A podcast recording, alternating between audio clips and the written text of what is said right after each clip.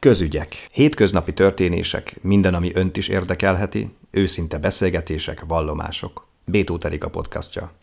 Miskolc méltán lehet büszke a Színész Múzeumára, hiszen több mint 25 éve itt van, és hát nagyon sokan látogatják. Mikita Gábor, a Színész Múzeum igazgatója. Tulajdonképpen, ha be kéne mutatni a Színész Múzeumot, akkor hogyan kezdeni? Azzal kezdeném, hogy önmagában is egy színház történeti jelentőségű helyen áll az intézményünk. Azok között a falak között működünk, létezünk, ahol az első magyar nyelvű Magyarországi Kőszínház állt és működött és nyílt meg 200 évvel ezelőtt. A látogatók a szó szerint azon a lépcsőházban mehetnek fel az emeleti kiállítóterünkbe, ahol Dériné is jó párszor megfordult, és akkor, akkor élekéresebb színészei. Ez mutatja a gyökereket, a szellemiséget, a hangulatát ennek az intézménynek, ennek a múzeumnak, amely a Pesti Bajor Gizi Színész Múzeumnak a mintájára jött létre, kicsiben Miskolchoz kötődve. Amikor belép ide az ember, akkor itt a folyosón rögtön a nagyok láthatók már, mint hogy a nagyoknak a szobra. Kik vannak kiállítva itt a lépcsőházban? Pontosan azok a nagyok valóban, akik megteremtették a magyar színházi kultúrát, tehát az első generációnak kiemelkedő személyiségei. Köztük például Egressi Gábor, aki Miskolci diákként ebben a kis színházban, ezen a helyen határozta el, hogy ő maga is színész lesz, és fel is lépett, itt kezdte a pályáját ebben a színházunkban, majd aztán ő adta át a második nagy színházunkat, ami ugye ma is áll és működik. Mellette Latabár Endrének a melszobra van. Ő Debrecenben, debreceni diákként határozta el, hogy színész lesz, akkor állt be Kilényi társulatába, és ő is itt Miskolcon kezdte a szószoros értelmében a pályáját. Az első színpadira lépése, színpadi működés az itt kezdődött, és aztán Egressivel együtt adja át a második színházat, ő akkor ott, mint igazgató nyitja meg a épületet. Ez mikor volt? 1857-es a második átadásunk. Sokan szokták keverni, ugye amikor azt mondjuk, hogy a Magyarországon a Miskolci az első színház, akkor azt gondolják, hogy ez a mostani épület, amiben járunk. Nem, nekünk két színházunk is volt. Az első a Színészmúzeum helyén állt 20 éven keresztül, és utána született meg egy tűzvész után az új épület, amire pedig azért vagyunk büszkék, mert ez az 1857-es épület, ez ma a legrégebbi színházépület az országban ami ráadásul színházként is ö, működik mai napig és funkcionális. Tehát ez a történet, ez, ez teljesen különleges, egyedülálló történet, hiszen valóban Miskolc az a magyar színészetnek az egyik bölcsőhelye. Ugye többször leírták, hogy, hogy Miskolc mentette meg a magyar színészetet, többször leírták, hogy Miskolc a magyar színjátszásnak a nevelőfészke. Hát ebben a kiállításon, ebben a múzeumban többek között erről mesélünk, erről szólnak az állandó kiállításnak is a különböző elemei, részei. Amikor már nem színházként funkcionált ez az épület, honnan jött az ötlet, hogy legyen egy színész múzeum? Jó idő eltelt, ugye több mint száz év, amíg, amíg ez az ötlet megszületett, és az is, hogy ebben az épületben legyen. Gyarmati Ferenc Miskolci színművész gondolata volt ez.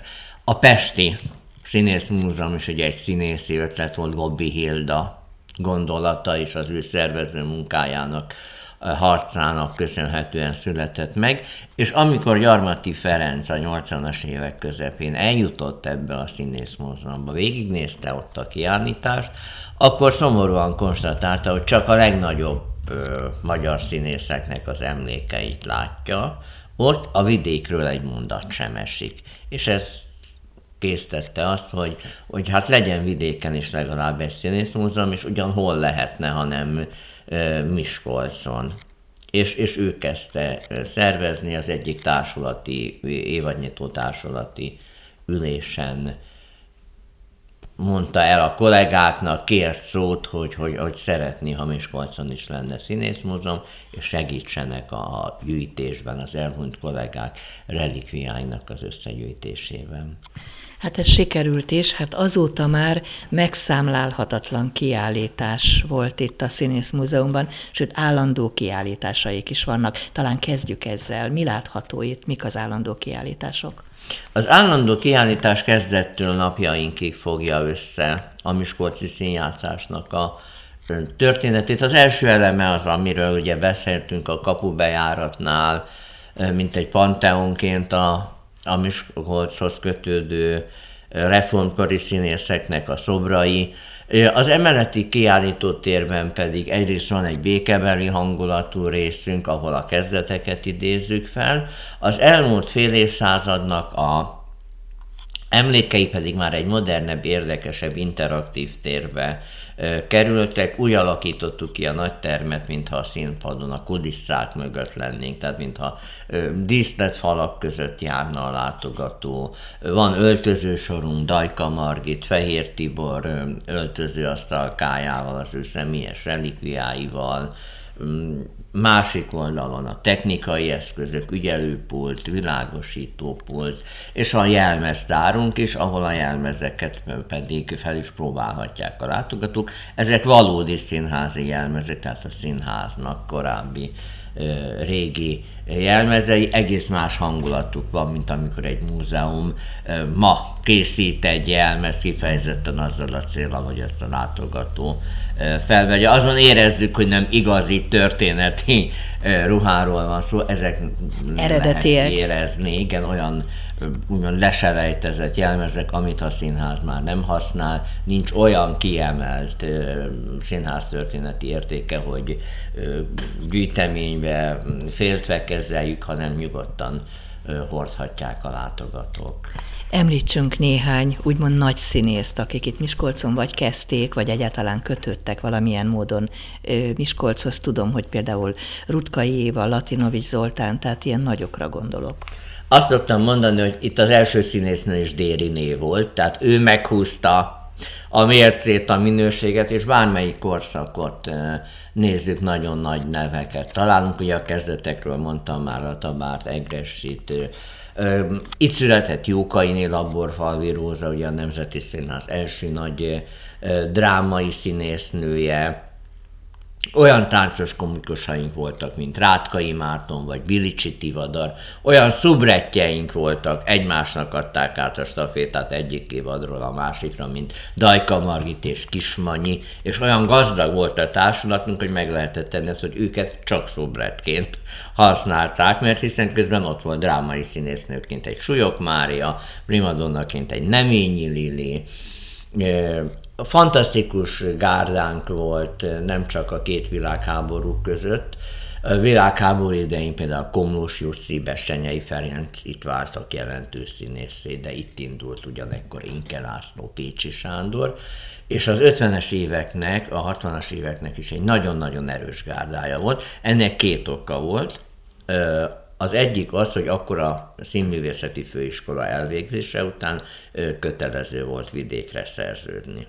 Milyen jó dolog volt ez? Ez mindenkinek nagyon jó volt. Egyrészt ugye nem a korábbi műkedvelőből lett színészek alkották így a társulatot, hanem valóban diplomás erejük teljében levő fiatal képzett művészek, képzett művészek voltak, és akiknek ráadásul mindenki azt mondja, ez egy külön főiskola volt, hiszen itt ugye mi egy vidéki színházban mindent kell játszani, ugye mesejátéktól kezdve operetten át Shakespeare-ig, és ugye sokkal több a bemutató, mint egy pesti társulatban, tehát valóban egy külön képzés, egy külön főiskola.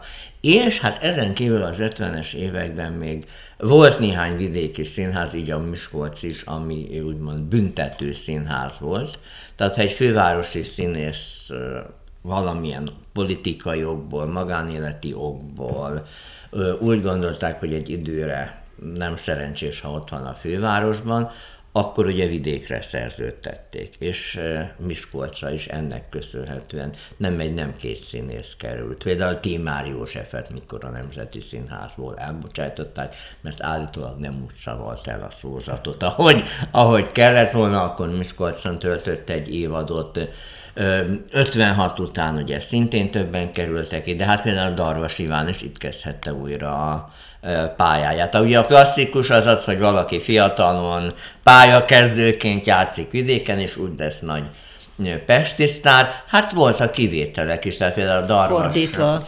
ugye 56 után börtönbe került, majd amikor szabadult segédmunkásként dolgozhatott, és itt kezdhette újra a színészi pályáját, például a Csehovnak a Ványa bácsiának a férfi főszerepét játszotta itt, és hát persze voltak nagy vendégek is, Básti Lajos például, aki a ember tragédiája Ádámját, ugye nagyon sokat játszott, a leghíresebb szerepe volt a Nemzeti Színházban, könyvet is írt, és amikor Miskolcon bemutatták a 60-as években, akkor ő volt az első szereposztásban, sok előadásban játszotta ezt a szerepet a feleségével, Zolnai Zsuzsával, Évaként, aki pedig itt kezdett fiatal színésznőként. És hát a 80-as éveknek is hatalmas társulata volt, Blaskó Péter, Igó Éva, Tímár Éva, Szerencsé Éva például, és sorolhatnám a mai ö, napig. Nagyon érdekes például, hogy a nagy nemzeti színháznak a tagjai között is szinte mindig találunk Miskolcról indulókat. Amikor megnyílt a Nemzeti Színház 1837-ben, mindig hangsúlyozom, hogy másfél évtizeddel szinte későbben lett Pestnek magyar színháza, mint ahogy Miskolcnak már volt, akkor a törzsgárda azok, azok a fiatalok, akik itt indultak, megy Egressé Gáborék. És amikor az egyik évfordulónk volt 2003-ban, például a Nemzeti Színház az akkori társulata levélben köszöntötte a Miskolci Színházat, és hát hihetetlenül jó érzés volt nézni, hogy az aláírók között jó pár Miskolci ott volt, Blaskó Péter, Pásztor Edina, Vida Péter, és hát ma is tudunk olyan ö, egyetemistákról, akik Miskolcon indultak, és ott töltik a nemzetiben a gyakorlatukat. Mikita Gábor is, mint szakmai vezető, mióta igazgatja itt a Színész Múzeumot? Hát kerek húsz éve vagyok itt, tehát most éppen én is jubilálok, mint vezetőként. Ez egy nagyon nagy megtiszteltetés volt. Én korábban színházi kritikusként, újságíróként ténykedtem, ennek köszönhetően kerültem ide, és nagyon jó, mert így gyakorlatilag a múzeumi területnek minden ágát, kis apró részletét megélheti a dolgozó. Egyébként mire a legbüszkébb az elmúlt húsz év alatt a munkáját illetően? Hú, hát ez nagyon nehéz kérdés, nagyon sok mindent lehetne uh, sorolni, kuriózumokat. Például az, hogy a Moszkvai Színházi Múzeummal, amelyik a legnagyobb, legrégebbi színházi múzeum szakmai kapcsolatban állunk. Én is vihettem ki és rendezhettem Moszkvában kiállítást rendszeresen kapunk Moszkvából, színházi kiállításokat rendeznek ők is. Tehát ha nagy dolgot akarok mondani szakmailag, akkor ezt mondanám, a gyerekprogramjainkat említhetném, de ami a legnagyobb büszkeség, az egy kis történet. Épp tegnap meséltem el megint. Annak idején elindítottam egy beavató színházi mesék sorozatot itt a múzeumban. Olyan alkotókat kérünk fel, akik színházi emberek, de foglalkoznak gyerekekkel is, és írnak is valamilyen módon, akár színdarabot, akár kritikákat. Gabnai Katalin drámapedagógustól Lőrinc Katalin táncművészig, Fabók Marian színésznőig nagyon sokan írtak nekünk ilyen történeteket. Ennek köszönhetően hozzánk óvodások is járnak. Nagyon fontos, hogy minden korosztály, kicsiktől a nyugdíjasokig, kortárs művészet iránt érdeklődők, a hagyományok iránt érdeklődik, mindenkinek helyet adjunk itt, és hát ennek a gyermekszínházi sorozatnak köszönhető, hogy egyik alkalommal történt, hogy egy ovis csoport volt, és az óvónéni mesélte el egy évvel később, mikor újra eljött ide egy beszélgetésre, hogy volt a csoportban egy kislány, aki szorongásokkal teli volt. Alig beszélt, se magáról, se semmiről, nem lehetett belőle egy mondatot se kihúzni. Ha szerepelni kellett, akkor nem állt ki. És eljöttek ide a múzeumba, és a, a foglalkozás végén ugye ahogy jelmezeket lehet venni, bábokat is kézbe lehet venni, meg lehet nézni, milyen egy kesztyűs báb, milyen egy marionett, egy, egy vajang, és akkor lehet vele játszani, rögtönözni, vagy elmondani egy verset. És akkor ez a kislány is felhúzott egy kesztyűs bábot a kezére, és egyszer csak kiállt ő is a kis színpadunk közepére, és elmondott egy versikét, és azt mondta egy év után a óvónéni, hogy akkor a múzeumban történt valami. Mert onnan kezdve az a kislány úgymond helyére került, megszűnt a szorongás. Megnyílt. Megnyílt, pontosan. Ennél többet szerintem nem tehet senki sehol. Most egy kicsit még a máról beszéljünk. Milyen kiállítások láthatók ma napjainkban? Jubileumhoz kötődik a következő kiállításunk a Város napján május 11-én fog megnyílni. A Petőfi 200-hoz természetesen mi is kötődünk. Már csak azért is kell kötődnünk, mert ugye Petőfi maga is vándorszínész volt. Azt Ugye egy mondat a tananyagban ezt ugye megjegyzi irodalomból, tudjuk minnyáján. Arra az nem igazán derül ki, hogy ez nem egy ilyen kis rövid kaland volt, ő nagyon tudatosan készült a színészi pályára. Ő egy darabig sokkal erősebb volt a színészi hivatástudat, mint az, hogy ő költő akart volna lenni. Egy irodalmi szerkesztői állás az, ami eldöntötte, hogy abból tud megélni, úgymond Pesten, és ezért hagyta abba a színészetet. Tehát számunkra ez is fontos, erről is nagyon sokszor beszélek, mesélek Petőfinek a színházzal való kapcsolata. Nagyon sok verse van, nagyon szép, fontos, mai és érvényes gondolatokat tartalmazó versei a színházról, úgyhogy ennek kapcsán helyet adunk mi is egy kiállításnak, méghozzá kortás kiállításunk lesz. Nekünk nagyon fontos alkotó társunk, munkatársunk a Spanyol Nártha kortárs művészeti internetes folyóirat, mert hogy nagyon sok kortárs programunk is van. Nagyon fontosnak tartjuk, hogy a múltból építkezzünk, megszólítsunk kortárs alkotókat is és a küldeményművészeti Biennáli Petőfihez kötődően hirdetett most meg pályázatot az idei Biennáli Petőfihez kötődik majd, és ennek az anyagát mi fogjuk kiállítani. Van egy irodalmi olvasószobánk és múzeumi olvasószobánk a közelebb, címen fut, Kafka Marit közelebb, Adi közelebb, Pilinszki közelebb, utána most Petőfi közelebb lesz a téma. Ez az, ami most az idei évünket majd kitölti. Meddig látható majd ez a kiállítás? Nyár végéig tekintheti meg majd a közönség.